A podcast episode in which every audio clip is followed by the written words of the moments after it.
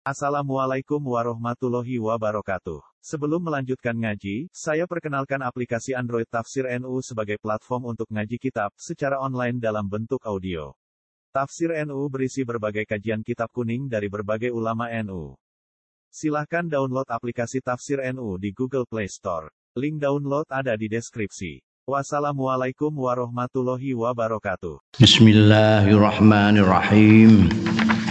Qala al-muallif rahimahullah wa nafa'ana bihi wa bi ulumihi fid dharain amin. Tahrimul khulwati bil mar'atil ajnabiyati ghairil mahram diharam kene persepen bil mar'atil ajnabiyati kelawan wadon liya liya broyo perempuan asing gair mahram sing ora mahrame. Wa tahrim tasabbuhi ahadil jinsain bil akhari.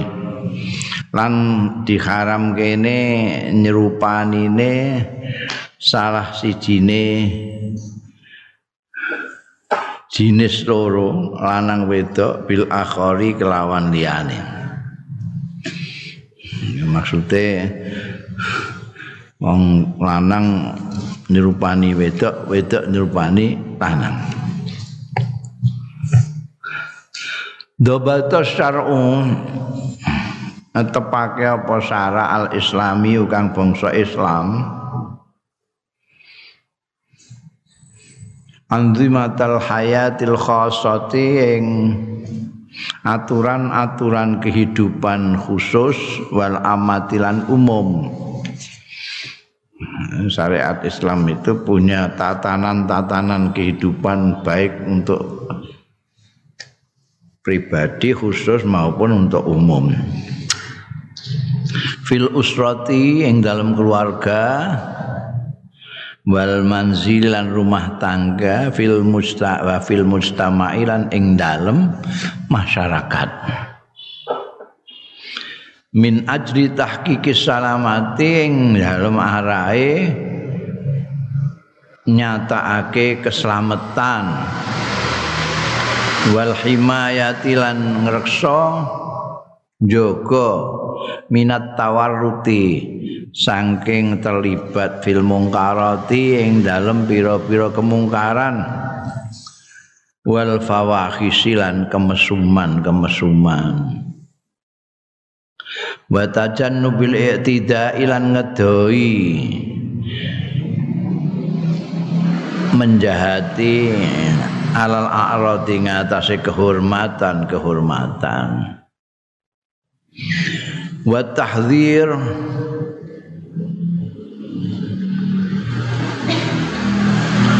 lan memperingatkan keras jangan sampai min alwanil idza saking macem-maceme nglarakake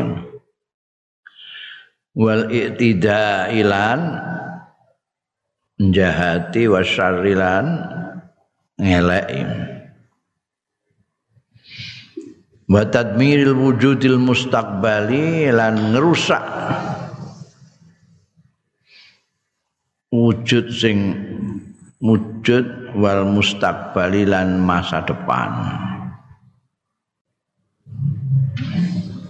Menghancurkan eksistensi dan masa depan. Lidha krono araiku krono arai syariat Islam itu mempunyai tatanan yang seperti itu.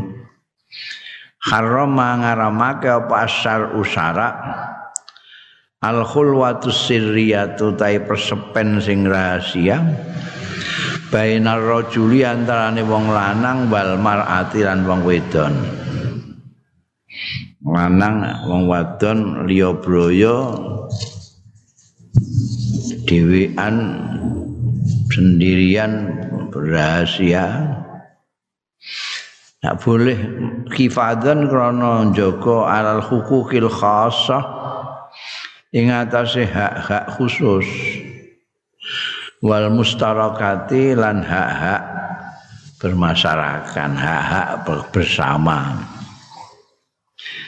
Waman anan krono nyegah minat tawaruti saking terlibat fiwasa wisis syaitani ing dalem reriduning setan. Pamah tala mongko ora persepen sapa julun. Wong lanang bimraatin kelawan wong wadon.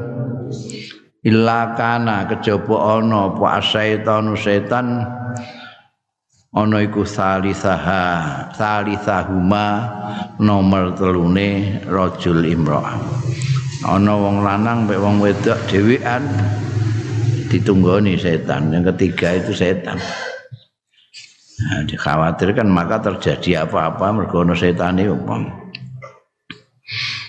mereka oleh. Kadzalika hafadha syar'u al-hanif. Semono uga iku kaya mengkono-mengkono larangan khulwah sirriyah bainar rajuli wal mar'ah.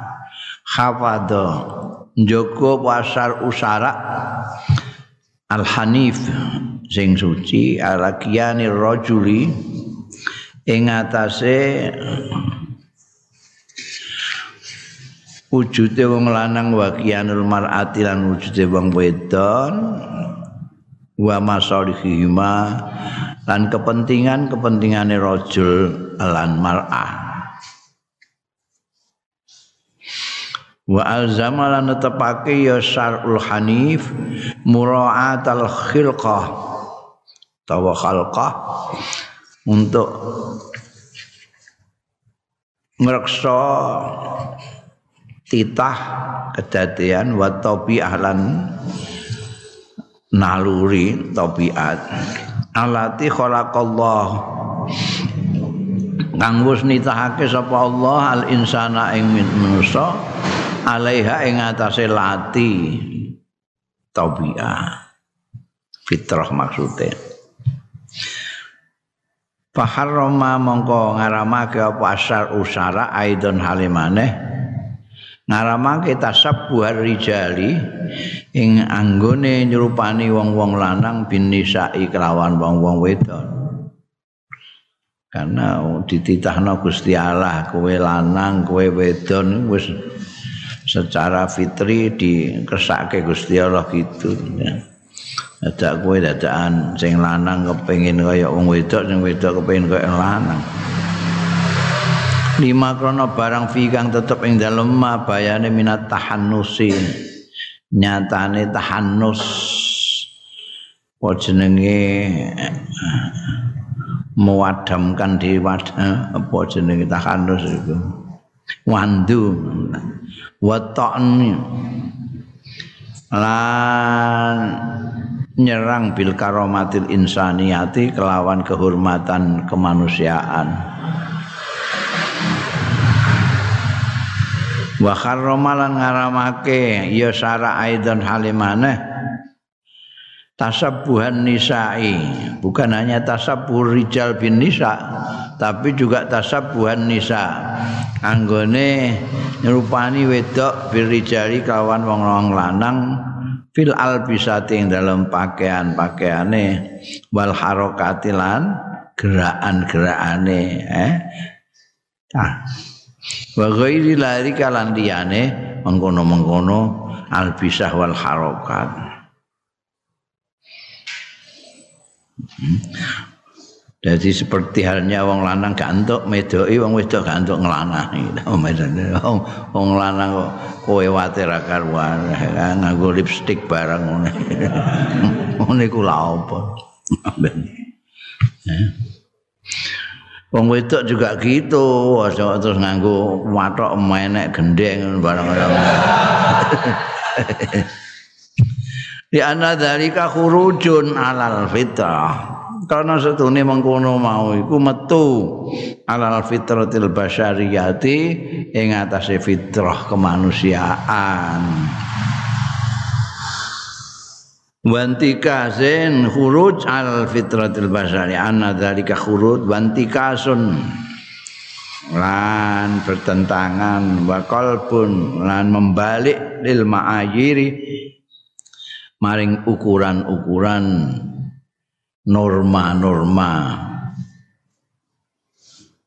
Wal awsafit tabiiyati lan sifat-sifat alamiah.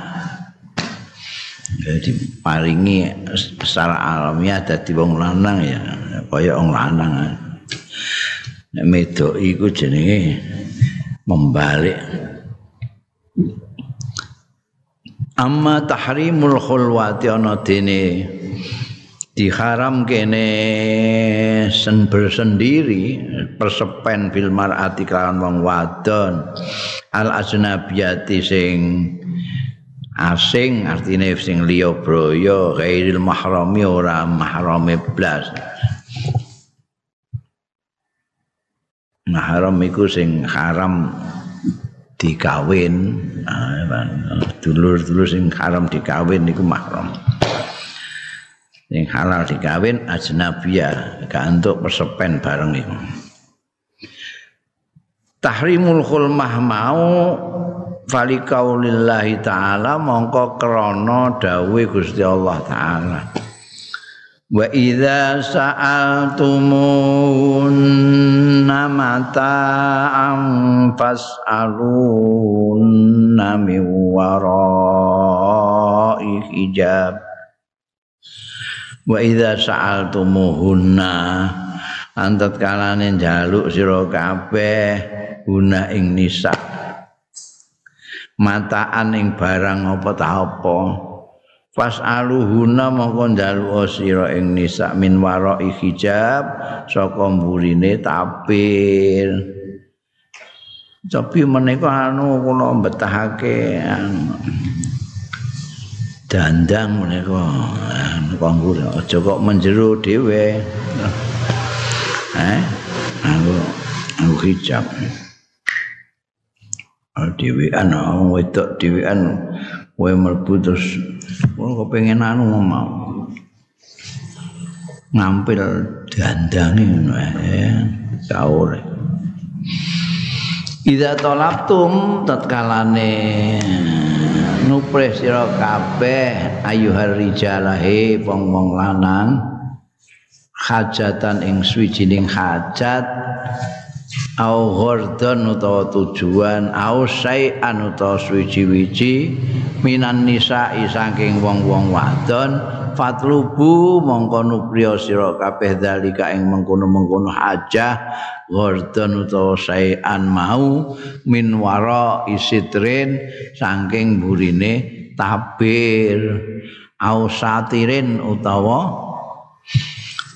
aling-aling khifdon krana ngreksa lil hududi marang wates-wates wa mulazamatin lil haya khifdon lil hudud. Wa mulazamatan lil haya iman netepake lil haya marang isen rasa malu wa tuhron lil qalbi lan kana kesucian lil qalbi marang ati wa nafsi lan jiwa min wasawisi syaitani saking reriduning setan. Setan itu wah ahli ini yang iku ning untuk membendung setan itu supaya tidak ganggu-ganggu gitu cara-caranya antara lain ya itu. Membutuhake apa-apa toko wong wedok. Ya harus ada aling-alingnya. Wa akadati sunnatun nabawiyatu lan ngukuhake apa sunnah kenabian hadzal hukma ing iki hukum wa hadzarat an memperingatkan jangan sampai melakukan ya sunnah nabawiyah minas subuhati saking piro-piro subhat. Wa mazalikil hawa lan panggonan-panggonan keplesete nafsu bainan nasi antara manusia kodibatan secara keseluruhan. Wa minhum iku setengah saking mereka itu al aqarib ghairul maharim. Kerabat-kerabat sing dudu mahram. Apa meneh wong liya bro kerabat-kerabat sing dudu mahram saja tak boleh persepen sendirian. Warada fi hadisin. Persepen itu kan apa? Karena orang itu dua yang yang menjadi kontrolnya manusia berbudi. Manusia yang berbudaya itu dia mempunyai kontrol dua. Kalau dia orangnya imannya kuat kontrolnya Allah subhanahu wa ta'ala. Dan ini tidak semua jarang lah. Sing umumnya kontrolnya adalah masyarakat. Mulanya ono rio barang itu dia tidak melihat Allah tapi melihat masyarakat. Wong ning kampunge dhewe khusyuke ra karuan tapi di luar kampung bejijakan itu karena dia yang dijadikan kontrolnya itu masyarakat kampungnya Wae nek konangan kancamu isin nek gak ana kanca gak isin. Padahal ana kanca gak ana kanca konangan Gusti Allah. Kan gitu. Biasanya Gusti Allah nomor sekian. Karena itu lalu kontrol berikutnya adalah masyarakat. Nah nek kowe dhewean, lanang wedok dhewean ning gone persepen. Apakah persepen itu dalam pengertian kowe ning kamar berdua atau di tempat asing yang tidak ada orang yang kamu kenal? Kowe sak karepmu dhewe, sing wedok ya sak karepe dhewe. Maka setan yang berperan di situ. Nah, makanya syariat memberikan barikade-barikade bagaimana supaya kamu itu terlindungi terutama sing ora ndelok CCTV ini Gusti Allah tapi CCTV ini orang.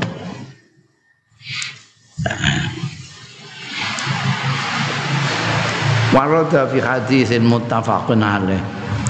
Tumeka ing dalam hadis sing muttafaq alaih an Uqbah bin Amir radhiyallahu anhu anna Rasulullah setuhune Kanjeng Rasul sallallahu alaihi wasallam iku kala dawuh ya Rasulullah sallallahu alaihi wasallam Iyakum badukhul ala nisa Iyakum medya sira kabeh wadukhul ngedoi sira melbu ala nisa ing atase wong-wong wedok. Ini wonge ini keputren di sini wong wedok-wedok kowe kok mlebu rono. Oleh. Iya kum artinya jangan sampai wadukhul ala nisa. wis didhawuhi ngono iku wong wedok-wedok lho aja melok mlebu niku gak oleh wong lanang gak oleh Pakola rajulun mongko matur sapa rajulun seseorang minal ansori saking wong-wong ansor. Orang-orang ansor seperti diketahui adalah orang-orang pribumi Medina yang dari Khazraj dan Aus disebut ansor karena pembelaannya kepada Rasulullah sallallahu alaihi wasallam ketika Rasulullah dimusuhi ning Mekah ning Taif segala macam di Madinah dibantu ditolong. Ya mereka disebut Ansor ini orang Ansor yang matur nih gini kancing Nabi. Ketika kancing Nabi dawuh iya kumbadukhul al nisa ikon sing matur. Afaro aita alhamwa Atus pundi Afara itu ngendikani panjenengan alhamba ing ipar, ipar iku IP. Nek IP terus pundi? Alham. wedok tapi ipe Kala dawuh sapa Kanjeng Nabi, alhamu al maut. Ma maut nek ipe iku. Bahaya alhamu al mautu. Walhamu iku qaribuz zauj, iku kerabate bojo. Minal asobati saking dulur-dulur asobah. kal akhi kaya dene dulur lanang wabnil akhi lan anake dulur lanang. Anake dulur lanang ponakan. Wabnil ami anake paman. Ai ikhdaru minad dukhul ala nisa. Tegese hadis iki ikhdaru. Hati-hati aja ngantek. Ikhdaru iku ngono hati-hati. Aja ngantek minat dukhuli saking mlebu ala nisa ing atase wong-wong wadon al ajnabiyat ghairil maharim ya wong wedok-wedok duwe ruang sendiri, punya kamar sendiri, punya keputren, itu istilah keputren. Kamu jangan masuk ke situ. Tidak boleh. Ala nahwin sirriin ing cara rahasia meneng-menengan sekondo aku tak ning nggonmu sedelok fihi ing dalem. Dukhul iku mau. Khalwatan bihinna. Ana persepen bihinna kelawan nisa ndak boleh. Wa muhadatsatan lan ngobrol ngomong ma'ahunna sartane sak siron secara rahasia. Aku mau bicara berdua. Rahasia? Enggak oleh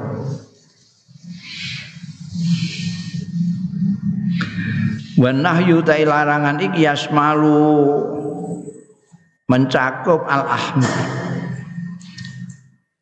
ipar iparan dulur-dulure bojo dulur-dulure bojo iku ay al aqaribul asabat tegese kerabat-kerabat asobat. Asobat itu kaya dulure anake dulure anake pamane. Sing ghairal maharimi sing dudu mahram-mahrame li anal khulwah bil ahma karena setune dhewe sepen bil ahma kelawan ipar-ipar ip-ip kal khulwati kaya dene persepen bi ghairil aqaribi. Kelawan liyane kerabat-kerabat. Piye maksudnya iku muadiyatun nekaake ilal fitnati marang fitnah Mungkin kula apa kok ambekan ipene kok glenak-glenik dhewean mesti membuat curiga. Iso ndadekno fitnah. Awil halak utawa kerusakan alladzi yusbihu kang dirupani ya alladzi al mauta ing pati. Oh, sampai terjadi skandal terus ambekan ipir IP ini kan banyak terus jadi rame rusak tantanan itu. Keluarga jadi rusak. Eh? perkawinan jadi rusak. Oh, rusak kabeh. Padha karo kematian itu. Wa nadzamal islamu sabilal iqtirab.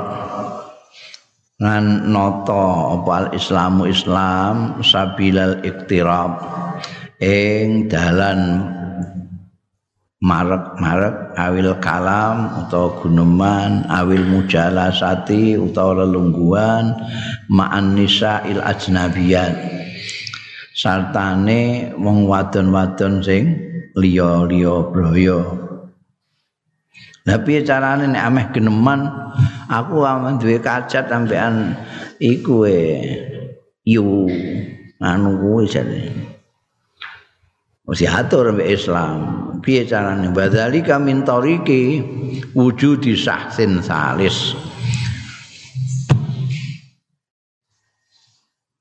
Wadhalika utai mengkono-mengkono tatanan yang Islam sip untuk sabilil iktirab wal kalam wal mujalasah ma'an nisa as ajamiyat mintori ki wujudi sahsin saking dalan eneke seseorang salisen sing ketiga mahramin sing mahram Wah, ketemuan bean wong wedok pertemuan mbek wong wedok ya and mahrame ben ada orang ketiga yang mahramnya dia.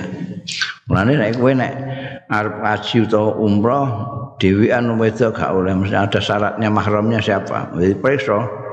Wane ngene begitu datang nih ngene bandara wedok mahramnya suaminya enggak, pakai suami mahramnya. Nek orang mbek suami ditakoki mahramnya, mahramnya mana? Karena berjalan bersama orang bener laki-laki itu enek mahram. Jadi nek kowe pengen ngomong-ngomongan wong wedok ya ono ngejak mahram. Itu kontrol itu. Yang saya katakan kontrol tadi itu. Untuk apa kontrol ini? Amanan minas syaitan. Untuk menjaga keamanan minas syaitan. Saking setan wa wasawisi wa wasawisihi lan riduning setan setan itu wah ana wong dhewean semenenge ra karuman deh langsung gidrang-gidrang iki kowe tak pawangan kowe. Tapi nek ana ancane sungkan deh Hada tanti mutawi iki tatanan al mubarmaj sing diatur. Wal muhaqqaq lan den nyatakake lil ghayati marang tujuan awil hajatil makulati utawa hajat sing masuk akal iku waridun tumeka fi hadis ning dalam hadis muttafaqun alaih an ibni Abbas saking sahabat Abdullah bin Abbas radhiyallahu anhuma. Iku anna Rasulullah satune Kanjeng Rasul sallallahu alaihi wasallam. Qala dawuh sapa Kanjeng Rasul sallallahu alaihi wasallam la yahluwanna ahadukum. Aja persepen tenan sapa ahadukum salah siji ro kabeh bi imraatin kelawan wong wadok ila ma'adhi mahramin kejaba sartane sing anduweni mahram. Jelas hadise jelas. Dawuh Kanjeng Rasul sallallahu alaihi wasallam di hadis muttafaq alaih dari Ibnu Abbas ini jelas dilarang keras layak luwanna itu nganggo ta taukid dengan perempuan kecuali ma'ali mahramin. Itu cara kalau kamu memang tidak bisa tidak mempunyai hajat yang harus bicara dengan perempuan. Itu ya perempuan itu harus ngajak mahramnya.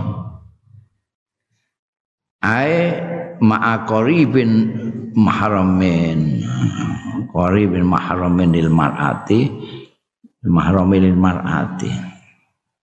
Kedua wong wedok iku mau sing meh dibok teman apa min zaujin au akhin bojo utawa dulur lanang au amin utawa paman banahwihim lah padane. Ya ada yang ngamal itu jangan sendirian ketemu dengan laki-laki asing sendirian. Tak boleh.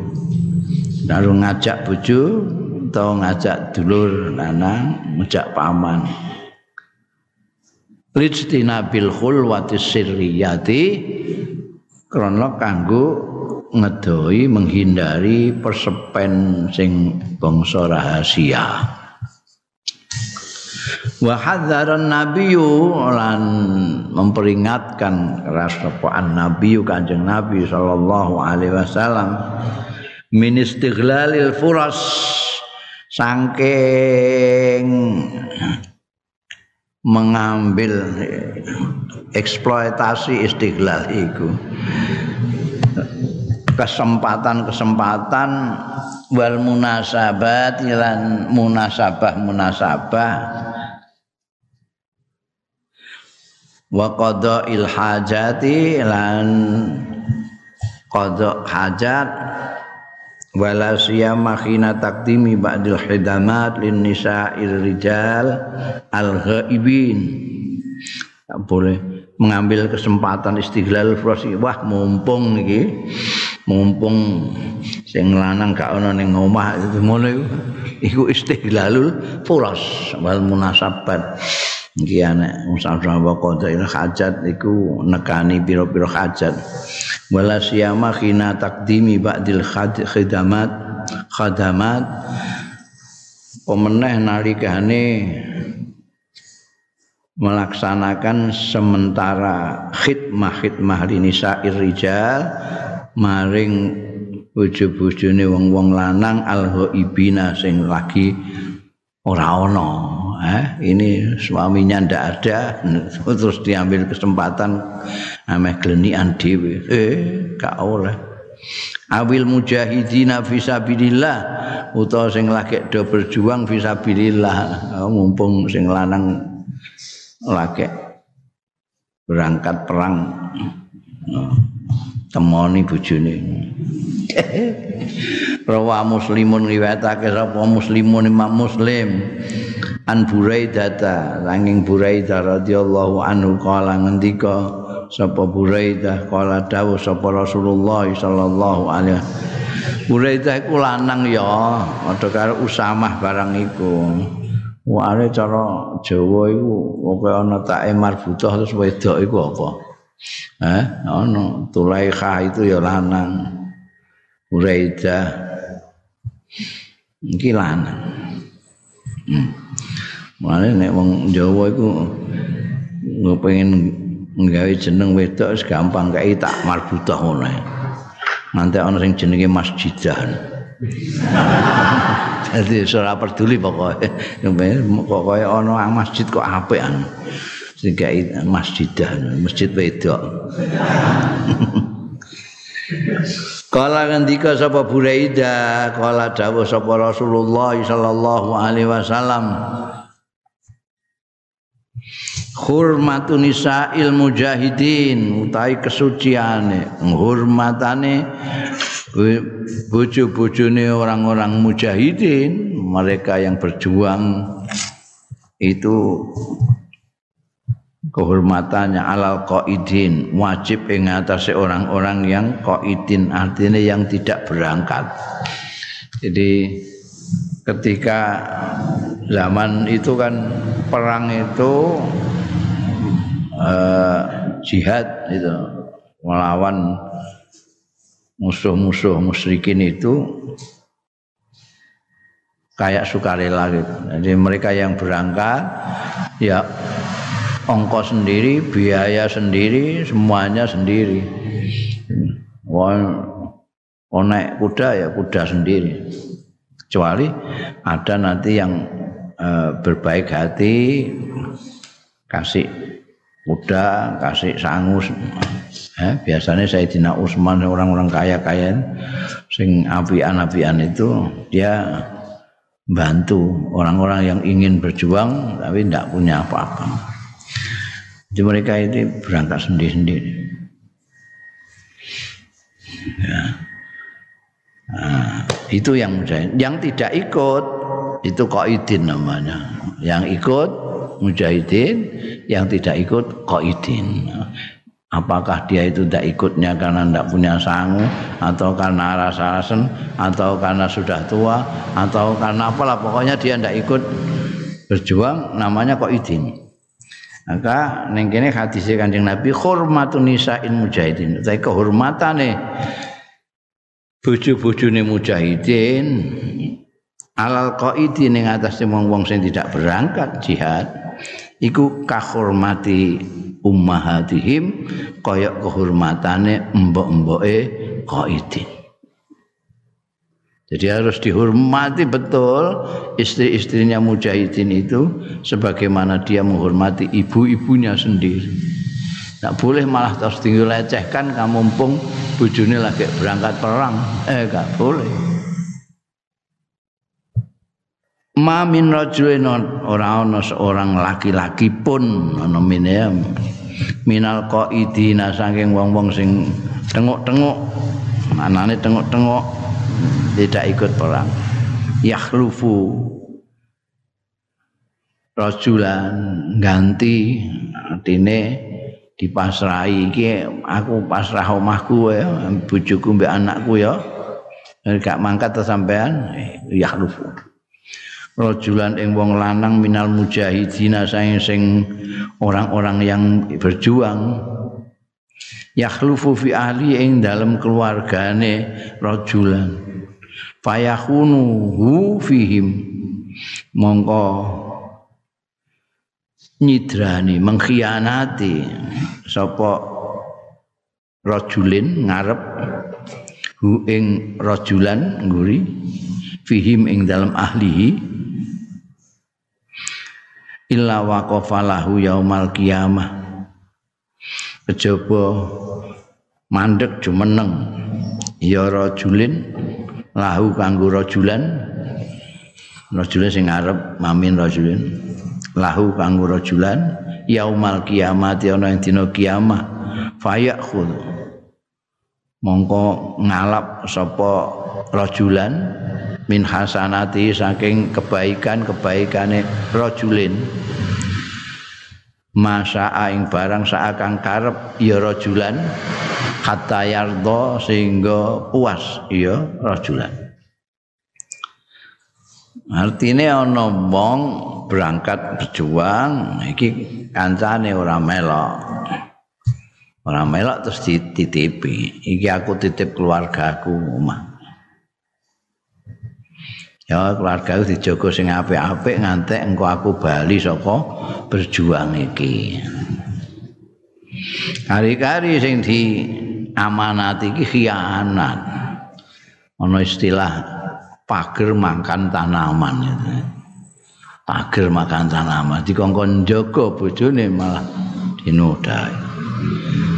Ora dilaksanakno amanahe kancane, engko ning kiamat iku di dicegah di mandek. Niki Gusti, niki sing khianat kae Lho, keapiane wong sing dititipi iki mau sing khianat. Ono sembayange posone sak piturute iku dijikuk dikekno wong sing dikhianati iki pejuang yang titip iku mau. Jiku es piro ya sak karepe sampai dekne puas. Malah nek puase dene ngantek ngentekno ngamale sing apik bar bar. Hanya karena khianat begitu entek kabeh mbayange pasane kajine sampeyan pokoke gawanane ning gone kiamat dina kiamat iku semono akeh dijikuki kabeh. Kalau wong lanang sing dikhianati ki mau sumal tafata bar ngendika ngono Kanjeng Nabi berdawuh fayakhul min hasanatihi masya hatta yardha sumal tafata monggo kari-kari noleh sapa Kanjeng Rasul sallallahu alaihi wasallam. La sumal tafata monggo kari-kari noleh ilaina marang kita kita para sahabat sapa Rasulullah Kanjeng Rasul sallallahu alaihi wasallam faqala lalu berkata aqala mongko ngendika sapa Rasulullah sallallahu alaihi wasallam madzanukum Iku apa dzanuku mutai penyana ira?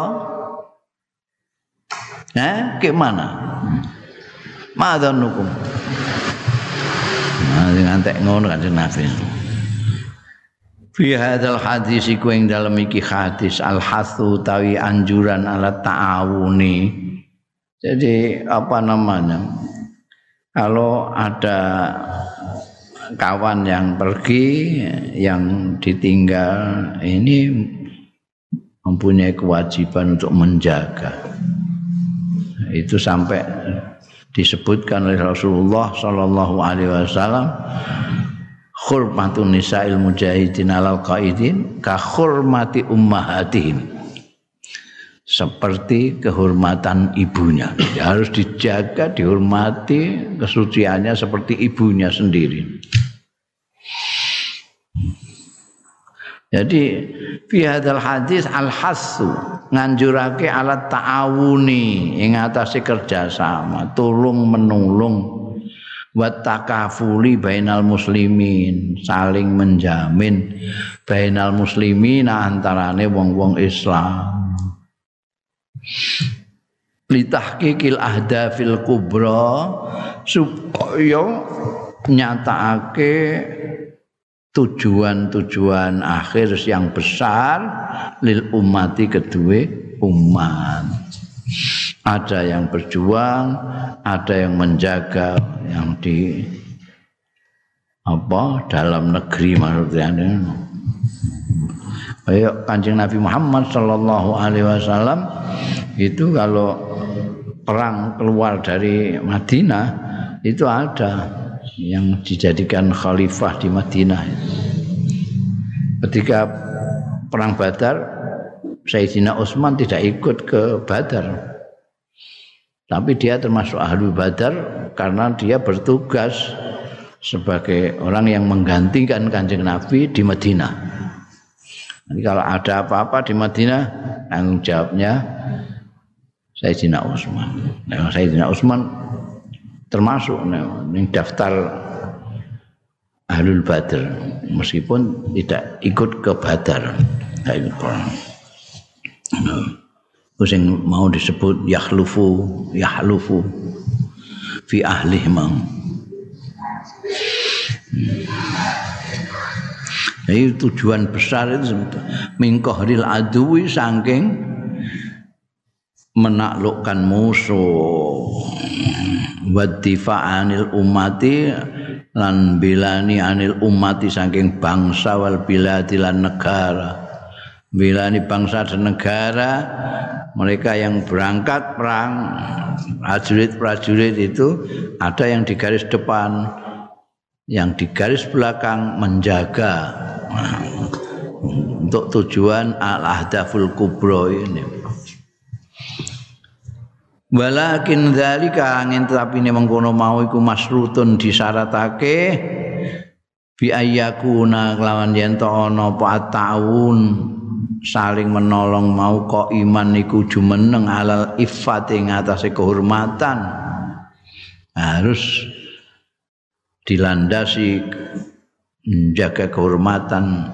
Wal baroati lan baroah baroah itu kebersihan tidak ada niatan khianat kesalahan dan segala macam itu baroah wa adami tawarruti lan ora anane terlibat terperosok fil harami ing dalam keharaman. Seperti itu tadi terus mangan tanaman. Ini jadi no pager malah mangan tanaman. Wa yakunul mu'tadi alal a'rad khasiran lan ana sapa sing berbuat jahat alal a'rad ing atase kehormatan-kehormatan ana iku khasiran rugi halikan terusak fil akhirat ing dalem akhirat rugi mergo engko didodosi gawanan-gawanane kon dunya iki amal-amal baiknya diambil oleh orang yang dikhianati tadi, yang dijahati di dunia. Kan rugi. Rusak. Mergo amale gak sing dijagakno malah entek. Itu iku soal khulwah wa amma tahrimu tasabbuhur rijal ana dene diharam kene nyerupani ne wong-wong lanang bin nisa iklan wong-wong wadon. Kaya niku ludruk-ludruk iku. Wa alal aksi lan ing atase kosok wangsule wong wedok-wedok nyerupani wong-wong lanang fahuwa. Mongko utawi tahrimu tasabbuhir rijal bin nisa au aksihi iku insijamun sesuai ma'at tabiati sartane tabiat watak yang norma asawiyati sing normal wal iktidali lan jejeg. Wong lanang dadi lanang itu jejeg wong wedok sebagai wong wedok sesuai fitrahnya wong wedok itu jenenge normal tabiat sing sawiyah wal iktidal. Jadi mulane terus diharamno lanang medoki wong wedok ngelanangi itu kan supaya tidak merusak atau biati sawiyah wal iktidal ini. Nah, ya. Falikulin mongko tai masing-masing minar rijali saking wong-wong lanang wan nisa ilan wong-wong wadon daurun itu peranan wa muhimmatun dan kepentingan fil hayati yang dalam kehidupan ini. Payah rumu mongko haram ala rijali ngatas wong-wong lanang apa atasabuhu nyurupani bin nisa iklan wedon wedon fil harakati dalam gerake aulinil kalam itu eh? Aluse omongan awi zinati utawa pepaese awi libas utawa pakaiane. Wa nahwi dzalika lan sepadane mengkono kabeh min khawasil adati wa tabai nyatane kekhususan-kekhususane kebiasaan-kebiasaan lan tabiat-tabiate eh sekarang orang ini sekarang zaman emansipasi tidak ada perbedaan laki-laki perempuan. Lolong. Tidak ada perbedaan itu di dalam hak dan tanggung jawab. Nah, maka sahabat alaiha makta sahabat itu jelas. Itu jangan salah mengartikan emansipasi persamaan hak dan kewajiban. Bukan pengobahan pengubahan fitrah atau naluri ini orang salah kadang-kadang salah oh. terus oh ini soalnya laki-laki boleh nyetir ya kita boleh nyetir. Laki-laki boleh bal-balan ya kita bal-balan. Nah ya. Itu jari ini emansipasi. Wah nyatanya sih. Niki ini melok-melok wong wedok-wedok bal-balan. Sing delok ya bangsane tukang becak iku. Sing didelok ora bal-balane tapi pupune ngono. Ya iku apa dibodoni. Jadi kadang-kadang wong lanang itu memang karena selama ini kan dominasi dunia kan wong lanang. Nah, wong wong wedok arep nuntut hak dan kewajiban itu karepe wong lanang gak oleh terus digawekno apa perangkap-perangkap itu sing rumangsane wong wedok nulungi ndekne tapi padahal justru memerosotkan perempuan itu nah, perempuan terus ditarik-tarik ke medan yang sebetulnya bukan tempatnya.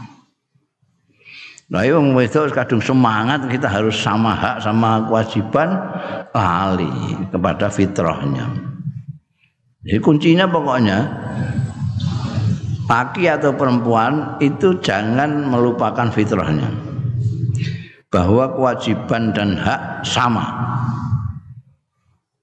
Laki-laki boleh begini, perempuan boleh begini. Tapi lihat fitrahnya fitrahnya jangan pernah lupa bodoh-bodoh bertanggung jawab kepada keluarga itu sesuai dengan fitrahnya masing-masing jadi sing bapak lah apa? Sing mbok lah apa? Hmm.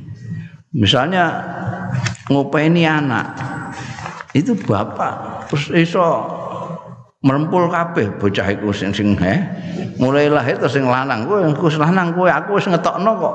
Kowe saiki sing ngopeni sing ngedusi barang jenggling kabeh anake. Eh? Wong ojra kudruk ngono. Mbok apa lagi? Yo jane kon ngedusi. Ngedusi kok mbok jegurno jeding piye? Dan Nah, itu kadang itu campur aduk antara mana yang fitrah, mana yang tanggung jawab dan hak. Itu harus disesuaikan. Sama-sama mendidik anak itu ibu yang mana, bapak yang bagaimana.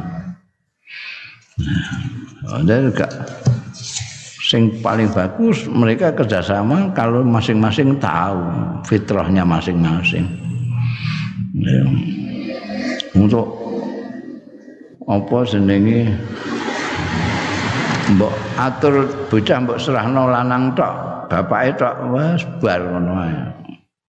Bar ada mbok karena mbok punya ikatan batin yang lebih kepada anaknya. Kasih sayangnya sak piturute itu kan gak ngungkuli mbok. Karena itu secara fitri dia lebih mendapatkan tempat oleh anaknya ini kalau dia mau sing lanang kok ngamuk anak anak iso minggat tapi nek mboke sing ngamuk gak minggat karena mboke punya ikatan batin dengan Nah itu harus diperhitungkan semua dalam beremansipasi itu. Ojo angger ae. Pun arep? Awet-awet meh nyupir truk ya silahkan ngono gak apa gak apa-apa ya. Eh? Angger kowe itu ora terus melok marung bareng terus adus bareng mbekan wong lan supir lanang-lanang iku ya rokok ya. Ya. sing umume gitu ketika bicara soal persamaan hak emansipasi itu biasanya orang sing kebablasan orang sing sampai nabrak soal fitrah ini nah, soal fitrah wong itu memang diciptakan Gusti Allah taala beda beda secara fitrah itu beda balungane resam angklehnya itu beda-beda. Oh, gak iso gak padha, gak padha. Dan nek arep wong lanang kepengin wong wedok terus kewat, eh? Terus nganggo rok. Barang niku sing gak oleh. Iku nalai nalai nalai. Lu itu persamaan. Hak perempuan boleh pakai rok ya saya boleh toh. Jadi guyu wong wedok wae demikian pula wong wedok juga begitu. Sama saja.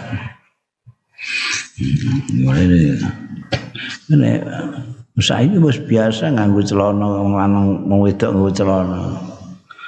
Tapi aja nglanangi ngono ngingu brengos barang kula Yes, biasa ngono ae karokate barang itu gerak geriknya itu ya, harus beda. Sesuai dengan nalurinya masing-masing wa yahrumulan haram. Ala nisa ing atase wong-wong wadon apa atasabuhu? Nyerupa-nyerupani birijali kelawan wong-wong lanang fil libasi ing dalem pakaiane wal madhari lan penampilane wal harakati lan gerakane hifadzon krana ngreksa ala tabiatil unusati ing atase tabiat kewanitaan keperempuanan. Sekali lagi emansipasi ya emansipasi tapi ndak usah dadi wong lanang kayak ini gak usah lah gak usah. Pengen pinter silahkan pinter. Nyambut gawe nyambut gawe tapi kok kudu pas kalau wong lanang nyerupani wong lanang oh, ora usah ora usah sebab itu diperlukan sendiri yang kadang-kadang perempuan itu apa namanya karena semangatnya itu sampai berlebih-lebihan dan tidak melihat ke depan, tidak melihat jauh. Banyak perempuan-perempuan yang mengatakan perempuan karir itu itu lupa kepada anak-anaknya. Padahal peran perempuan yang paling utama itu adalah menciptakan generasi yang akan datang.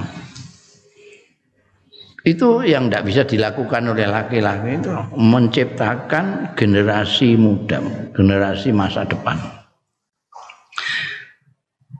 Karena perempuan itu punya ikatan dengan anaknya itu sejak masih jadi benih. Itu sudah dengan ibunya. Sampai sembilan bulan itu hanya dan Bapak ngerokok-ngerokok ning langgar. Gue sing wedok lakian hamil itu kan sing lanang malah ora nunggoni bojone malah turu langgar. Mulo kuwate nek ketatep petengi bojone. Bojone hamil tengi gedhi. Padahal pada saat itu adalah saat-saat di mana iki lagi menjalankan suatu tirakat tirakatan ini orang wedok ini menjaga bagaimana janinnya ini dan nanti lahir secara utuh makanya nek bapak rada kasar sithik mbek anak itu anak itu iso patah hati iso minggat tapi nek mbok tidak Kenapa? Karena ya ada ikatan batin. Mulane biyen aku nek nyengeni anakku tak titik nombok ya. Nah, iku lho, cah iku seneng. Sengeni. aku enak ora sampe nyengeni. Gue tak sengeni telur hatine. Sengeni mboke gak tau lor hatine. Nah ini kenapa? Itu ya tadi itu. Dia sudah berkawan dengan ibunya itu lama sekali. Batin elusan tangannya seorang ibu kepada anaknya itu tidak tergantikan oleh babysitter seribu babysitter keluaran sekolah babysitter yang paling unggul sedunia kurang. Gak iso. Nah, sekarang kan orang-orang karir itu lah anakmu nanti oh kan sudah ada. Nanti kami sudah bayari babysitter. Ini yang bagian anu ada sendiri, yang dulangi ada sendiri, nanti yang ngedusi ada sendiri. Jadi anak itu mulai bayi sudah punya babysitter itu mbah telu, mbah papat Wanita-wanita karir itu dia sendiri secara egois mengejar karirnya itu. Tidak mikirkan masa depan. Ada yang hal yang paling penting yaitu menciptakan generasi yang masa yang akan datang di pasahno babysitter. Ya, jangan nyalahkan siapa-siapa kalau sekarang ada dekadensi moral yang disalahno cah nom-nom. Mbok serahno sapa? Karena egoisnya ibu-ibu ini. Dia kepengen mengejar karir, tapi tidak apa namanya mempunyai waktu untuk mendidik anak untuk masa depan. Mbok serahno bapak ra iso. Gak iso. Hmm. Makanya lalu perempuan-perempuan itu harus pinter. Pinter untuk kepentingan ini untuk kepentingan menciptakan generasi masa depan ini enggak pinter untuk golek duit nyaingi bojone bayangane ku aku nek dipegat atau ditinggal mati bojoku aku iso urip dhewe nek aku wanita karir.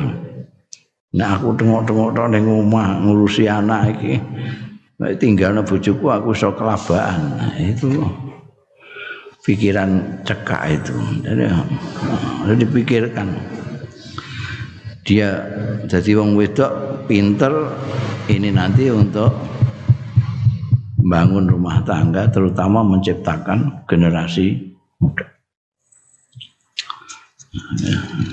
Nah, ini so didelok sekarang generasi muda ini kayak apa itu harus dirunut orang tuanya. Jangan generasi mudanya tok ikut diamui terus sampai orang tuanya piye. Terutama mboke piye.